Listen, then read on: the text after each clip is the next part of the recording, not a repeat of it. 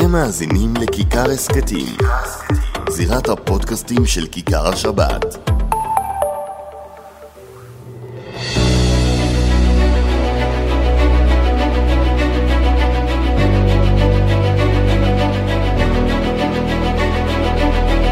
שלום לכם, אנחנו עם עוד אה, פודקאסט, הזירה מבית כיכר השבת, אבי לידרמן, שלום. אהלן אישה, מה נשמע? הודו להשם כי טוב. חוגג? חוגג? את מה? לא את אני- העלאת הריבית, את מה? רק תגיד על מה אתה לא, מדבר. אה, איך אתם קוראים לזה? רפורמה, רפורמה, לא? למה, איך אתה קורא לזה הפיכה? כן, שלטונית. כן. דיקטטורה. לא, לא שלטונית אגב, זה הפיכה, הפיכה משטרית, זה המ- זה המינוח הנכון. איפה אתה בין יאיר לפיד שאומר דיקטטורה לגדי איזנקוט שאומר שזה פחות דמוקרטיה? אני יותר בצד של לפיד הפעם, וזה וזה- זה זה לא נעים לי, זה לא נעים לי להיות שם. טוב, עם מה נפתח? עם החמץ או עם הרפורמה? בוא, בוא נתחיל בחמץ, בוא נתחיל בקלים. טוב, אתה יודע מה לא. בגלל שאתה אמרת שאתה עם לפיד אז אני פותח עם ה... זהו, עכשיו אתה תחזיק לזה לעד. דיקטטורה עד הסוף. טוב, אני רוצה לדבר איתך על הרפורמה המשפטית ובמשפט אה, פתיח ואחר כך אה, נפתח את זה קצת יותר. אני לא מסתיר בחצי שנה האחרונה אפילו יותר שנה האחרונה שאני מאוד מאוד מאוד אה, מרוצה מתפקודו של נשיא המדינה יצחק הרצוג. אחרי תקופה של אה, רובי ריבלין שהרגשנו כחרדים פחות שייכים לבית הנשיא. מאז כניסתו של יצחק הרצוג אני רואה בו כנשיא של כולם, כאחד שמנסה לאחד, ואנחנו רואים את זה גם בתקופה, ראינו את זה בעיקר בתקופה שהחרדים היו באופוזיציה והיינו עם שלטון אה, בנט-לפיד, אז הרגשנו ניתוק כלשהו ואפילו רדיפה. ויצחק הרצוג היה זה שתמיד מצא את הקו המחבר וניסה לאחד וניסה להרגיע ולדבר, והיה נשיא של כולם. בסוגריים אפילו אחרי תקופה ארוכה שנשיא מדינה לא התראיין לכלי תקשורת חרדים, בא הרצוג בסדרת הראיונות הראשונה שלו לתקשורת הישראלית, הכניס את המגזר החרדי. באמת אין, אין לי מילה רעה לומר על יצחק הרצוג. ואני גם מעריך מאוד את מה שהוא עושה בחודש האחרון, שהוא מנסה, ההידברות שהוא מנסה להוביל בין הקואליציה לאופוזיציה. באמת ראוי לכל שבח, וזה לדעתי תפקידו של נשיא המדינה. חד משמעית. בטח כאחד שהוא לא באמת בעל סמכות. לכן, איפה הוא שהוא הוא יכול בעל לגשר. סמכות מוסרית. נכון, כן. וכאן הוא מנסה לגשר. כן. אבל, צר לי מאוד. אני חושב שהנשיא אה, לא... אני לא רוצה לומר שהוא לא מבין את המצב, אלא שהוא משתדל ומתאמץ למקום שאין לו הרבה סיכוי. ולמה?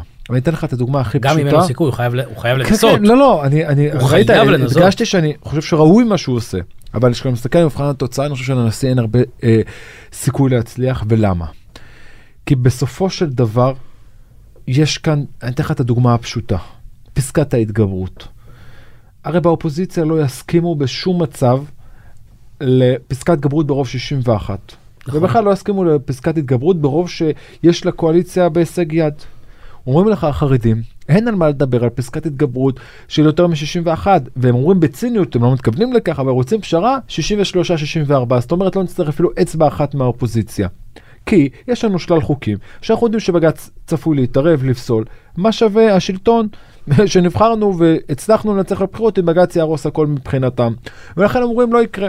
אומרים לך באופוזיציה, אין על מה לדבר על פסקת התגברות של 61, חייב שיהיה לפחות חמישה שישה ח"כים לפחות, אלו המקלים יותר, נכון? שיהיו גם מהאופוזיציה. נכון. תן לי עכשיו דרך לגשר בין הפערים כשהחרדים אומרים אין ממשלה בלי פסקת התגברות של 61. אין דרך לגשר.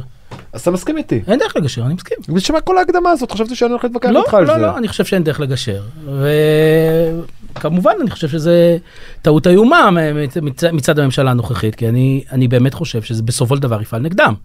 א', כבר אנחנו כולנו, זה פועל נגד כולנו, כבר היום כשאנחנו רואים איך העולם וש, ושוקי ההון מגיבים. עוד רגע. נגיע לשוק ההון. אבל מעבר לכל, צריך לזכור שהיום אתה מנצח, מחר אתה מפסיד.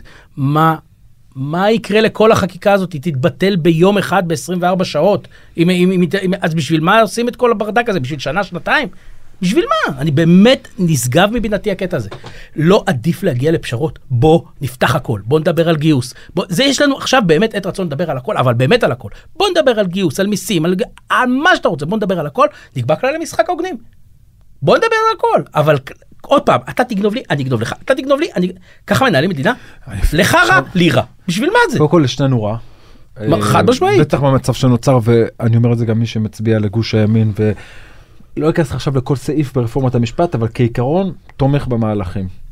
עכשיו, הזכרת את האירוע הכלכלי. קודם כל, לפני שנגיע לאירוע הכלכלי, הבנת למה החרדים לא יכולים להסכים לפסקת גברות פחות מ-61? אני יותר מב- מ-61? אני מבין את ההיגיון הפוליטי, אני חושב שהוא מוטעה, פוליטית, אה, אה, מוטעה אה, גם מוטעה פוליטית. פוליטית, אומרים לך החרדים בשום מקום צומת אמיתית.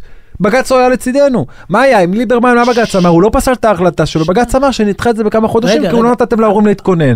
הוא אומר לך, בנושאים המהותיים, שבג"ץ עושה בציפור. נפשנו, אומרים לך, בציפור נפשנו, שזה אומר גיוס, גיור, כותל, אה, אה, רבנות ראשית, בכל הנושאים המהותיים שלנו, בג"ץ נגדנו, קח רק את החמץ הפסח בבתי החולים, ועוד רגע נדבר גם על הנושא הזה אנחנו בהרחבה. בהחלט- נדבר. אבל נדבר על העיקרון, אומרים לך החרדים, ואם בג"ץ, אבל אתה לא ואם מחר פותר. תהיה כאן, לא, אומרים לך לא החרדים, פותר. מה יקרה אם בג"ץ, אם בג"ץ, אם בעוד שנתיים, תוחלף הממשלה, נו, אוקיי? איך אמרת לי בפודקאסט הקודם? ליברמן ראש הממשלה. נו. מה כבר יכול? איפה בג"ץ יגן עלינו?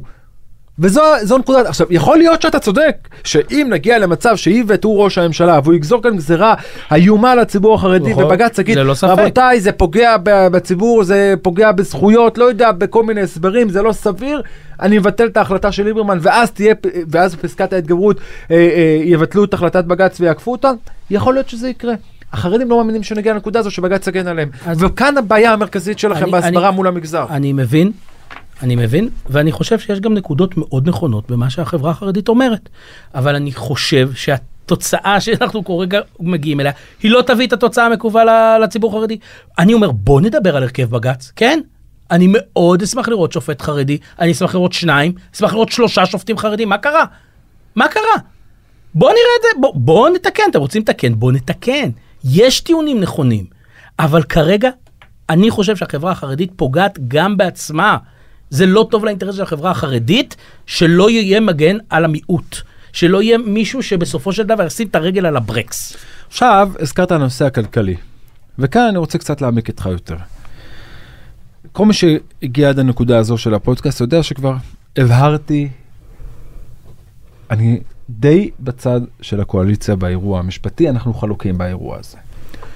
עכשיו מגיע האבל הגדול. הצבעתי לגוש הימין, בסוגריים, אמרתי לך את זה לא מעט כנראה בבחירות, אני לא מצביע לא בשביל דרעי ולא בשביל, כי אין לי, אין לי אפילו אה, ציפיות, כי אני מציע בסוף ועשית ככל אשר ירוחך. אבל עדיין יש לך, אתה יודע, את העקרונות שאתה שומע הבטחות ערב הבחירות. ואני חושב שרוב מצביעי גוש הימין הצביעו גם לנושא המשפטי, אבל לא פחות, אולי בעיקר ואולי הרבה יותר, זה נושא הכלכלי. לנושא הכלכלי. אנחנו כן. בשנה האחרונה ספגנו מכות כלכליות, נהיה יקר, קשה לחיות כאן, זו האמת, קשה לחיות כאן. ומה קרה בשנה האחרונה? אינפלציה, העלאות ריבית, יוקר מחיה, עליית מחירים כמעט בכל תחום. הבטיחו לנו שזה לא יקרה, הבטיחו להקפיא את, ההגב... את עליית המחירים בחשמל. זה לא קרה, האינפלציה ממשיכה לעלות. נכון. וה... והריבית עולה. איפה כל ההבטחות שלכם אין באירוע זמן הזה? להתעסק עם זה. מה, עכשיו עזוב אותי, לא מקבל- לא מקבל אה, את זה, לא מקבל. את זה. את- מה אתה רוצה ממני? אני מסכים לא, איתך. אני, זורק את זה רק עכשיו, ואני אגיד לך למה הגעתי, למה אני מדבר על זה. השבוע בר, בראש חודש אדר אה, התפללתי מנחה בשכונה, בשכונת פסגת זאב. ניגשו אליי כמה אברכים אחרי תפילה בצהריים, ואמרו לי, ישי, מה יהיה עם העלאת הריבית? אני אומר להם, מה? זה היה יום אחרי העלאת הריבית. אמרו לי, תקשיב, או יומיים. אנחנו כבר לא סוגרים את החודש, זה עוד 800-900 שקלים בחודש, שיורדים לנו מהחשבון בסוף חודש, אין לנו מאיפה להכניס את זה, זה פחות אוכל לשבת. ואיפה הדבר שהכי צרם לי?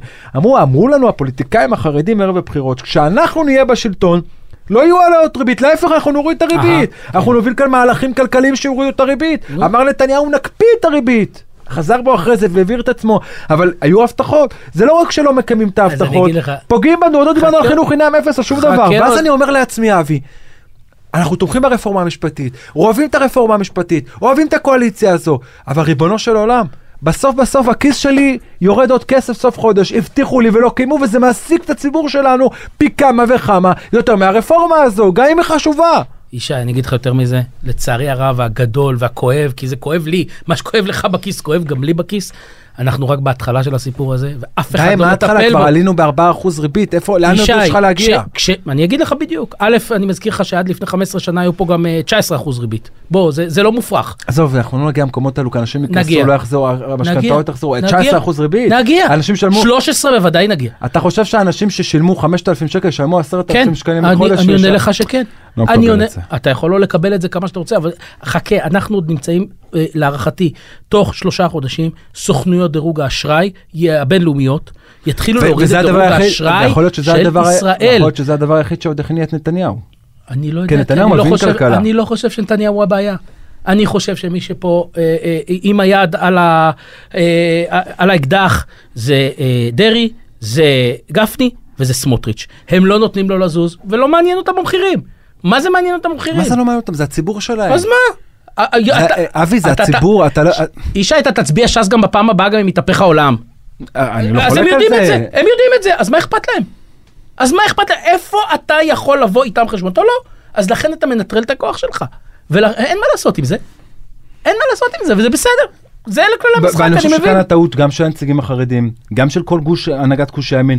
בסוף בסוף האזרח הפשוט שהצביע לכם, הצביע גם לנושא המשפטי, אבל לא פחות לנושא הכלכלי. ואם זה מתנגש האחד בשני, ואנחנו הולכים לשלם עוד אלפי שקלים משכנתה בחודש, הציבור לא יעמוד בזה, ואני אומר לך, במצב כזה במשאל העם הם יכולים להפסיד. ישי, אנחנו והם חייבים- להתעורר מוקדם יותר אנחנו- ולטפל. אנחנו חייבים להתווכח בפוסט כזה, אי אפשר להסכים על הכל. בוא נתווכח קצת, נו מה, אתה לא, מסכים איתך על אה, כל מילה. התווכחנו על דבר אחד, האם הרפורמה נכונה, האם צריך להוביל את הרפורמה, לא צריך להוביל את הרפורמה. אני חושב שאם השמאל, מרכז, מתנגדי הרפורמה הצליחו להוביל, עכשיו לא משנה אם הצליחו או לא, אבל בסוף הם הובילו למשבר כלכלי, נניח שזה נכון, נניח שזה נכון. אני לא שהם- מוכן לקבל את זה. לא, אני אומר נניח שזה נכון. נו.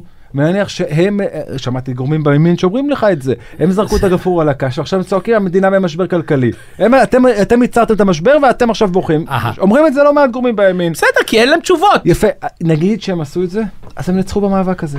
הם ניצחו, כי בסוף, בדעת הקהל, גם, הרי ב- במצביעי ימין, קח את הגוש החרדי, קח לא מעט בפריפריה, זה אנשים שמשלמים משכנתה, בקושי סוגרים את החודש, והם יצטרכו לשלם עוד אלף שקל, בנוסף לאלף שקל שהם שילמו עד עכשיו, הם יקרסו. ולא יעניין אותם לא בג"ץ, ולא רפורמת המשפט, ולא פסקת ההתגברות, ולא סבירות, ולא אריה דרעי, ולא נתניהו, יעניין אותם בסוף חודש, והחוב שהולך ומתנפח בבנק, והמשכנתה שתחזור להם.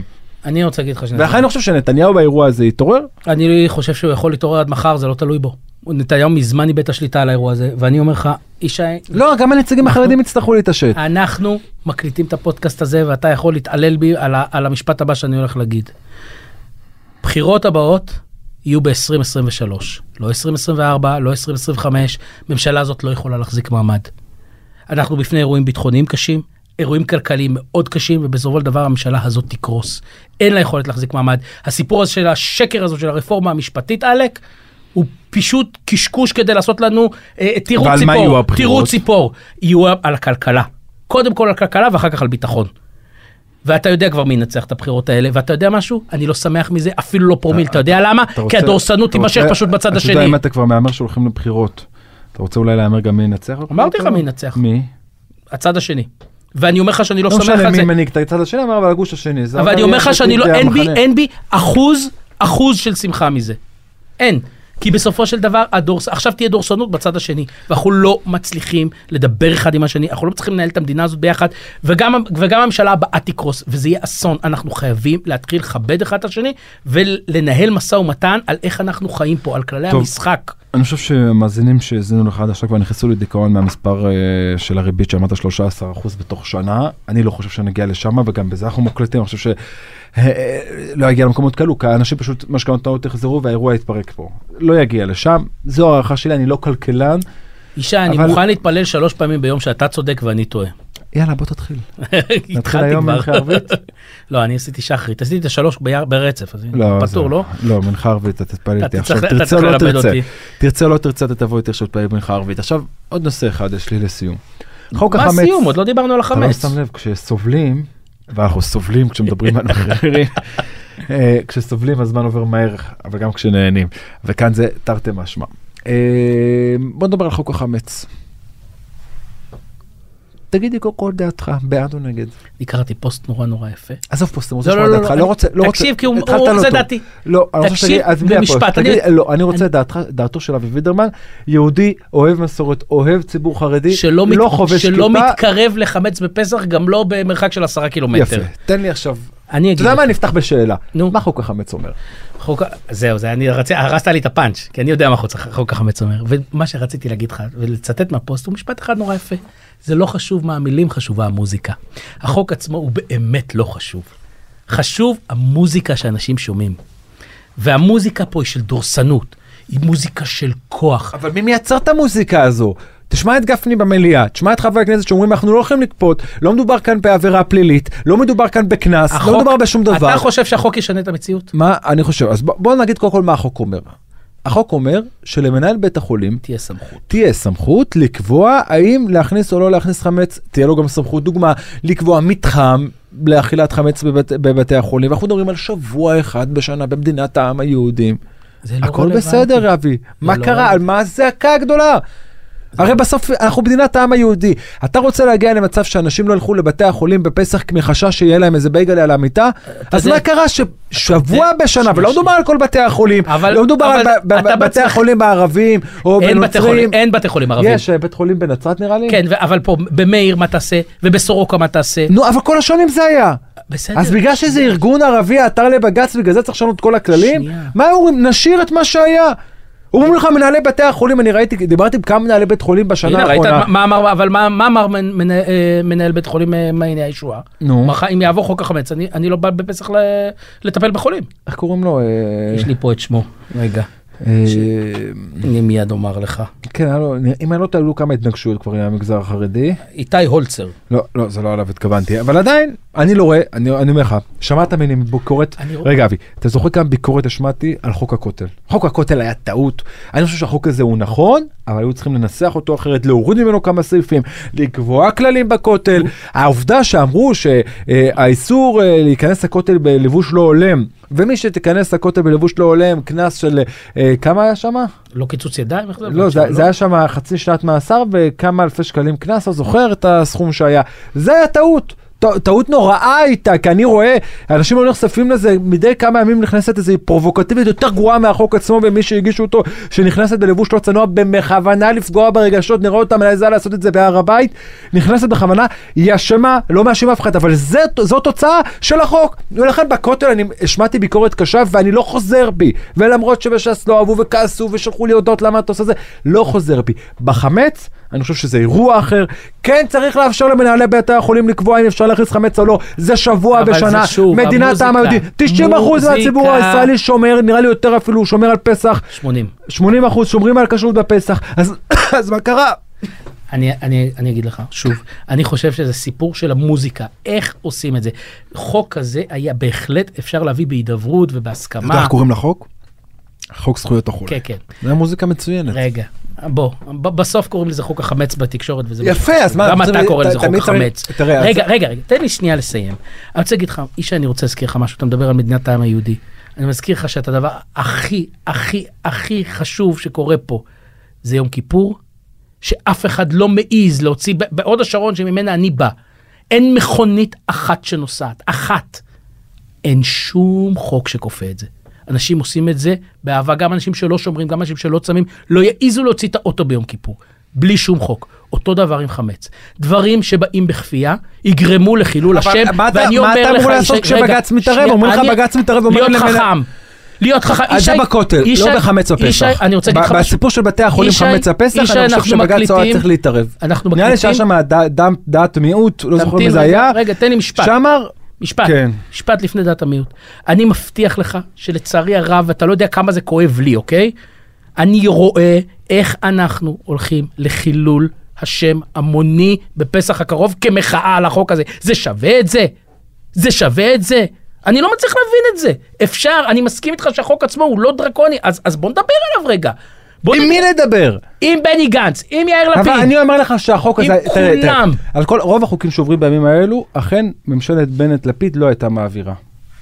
חוק החמץ היה עובר גם עובר בממשלת להיות. גנץ-נתניהו. אבל אין לך עם מי לדבר. אני לא מסכים אין איתך. לך עם מי לדבר, הרי לא לכולם נוח. להפוך את זה לאירוע, את כל החוקים, ולאנרכיה, ובלאגה. לא מסכים איתך. די, נו. יש דברים שהם חשובים לכולם. חמץ, פסח, יהדות, היא חשובה לכולנו. אני לא הייתי ממהר לזרוק את זה מהחלון. תגיד, יש לך משהו טוב לומר בסיום הפודקאסט הזה? אתה יודע, מאזין אחרי זה לא ירצה לחזור, שהוא ישמע רק בשורות רעות. אה, שבקרוב אנחנו נחזור להיות פודקאסט הבחירות של ישראל. אבי וידרמן, שי כהן, משנכנס אדר. בין בשמחה.